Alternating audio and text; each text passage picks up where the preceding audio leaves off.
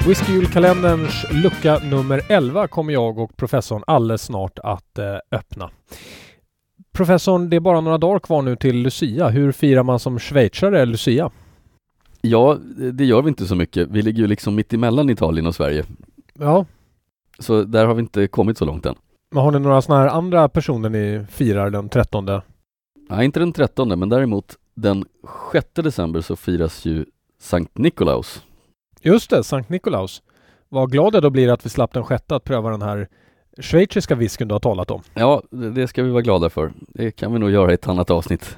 Du har tagit med dig en eh, present ser jag här. Mm, precis. Jag tänkte ju följa upp, du var ju så besviken där efter Moonshine, så att eh, jag går vidare på spåret och går på sånt som du kanske kan uppskatta. Som jag kanske kan uppskatta som Old Smoky Moonshine då, eller? Nej, nej, Mm, Nej. mera som, mera som den tidigare luckan.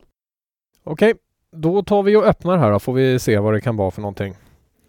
Öppna baksidan här, färgen. Det ser ut som någon typ av snaps. Det är väl inte snaps du har tagit med dig nu bara för att det är jul? Inte än. Aha, en Isla Time. Du Mm. har, som vanligt har du tagit med det dyraste du har i ditt egna barskåp. Absolut.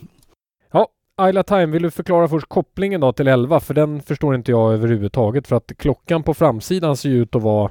Ja, vad är den egentligen? Är den eh, snart halv tolv? Snart halv tolv. Fast det är helt ologiskt för den där visaren som är där nere och den är ju rakt där. Kan det vara fem då?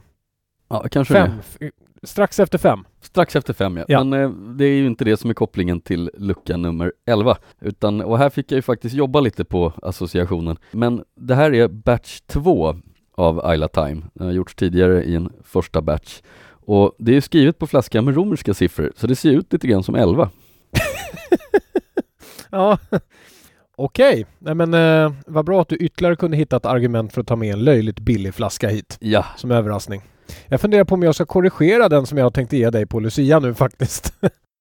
ja, ja du ska inte snåla på whiskyn här, det är Nej. mitt jobb. ja, ja, okej. Ska vi pröva den här då? Jag minns den ju inte som någon jättevän, men vi får se. Ja, lite rök har den i alla fall. Du menar rök och lite finkel bakom. Mm, Nog kan man känna att det finns Isla Whisky i den här, men vi ska väl också säga att det är en blended. Ja.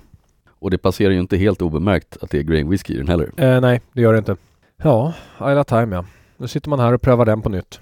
Ja, nej, du, jag vet inte vad jag ska ge den här för betyg. Man, man får väl säga att en gång i tiden var den väldigt prisvärd. Och då berömmer jag dig.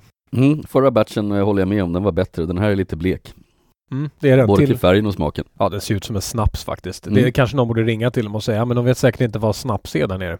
Nej, det kanske skulle kunna passera som någon slags kärsnaps den här. Ja, varför inte? Ska vi pröva den på julafton då igen och se vad vi tycker då? Det gör vi. Skål! Skål!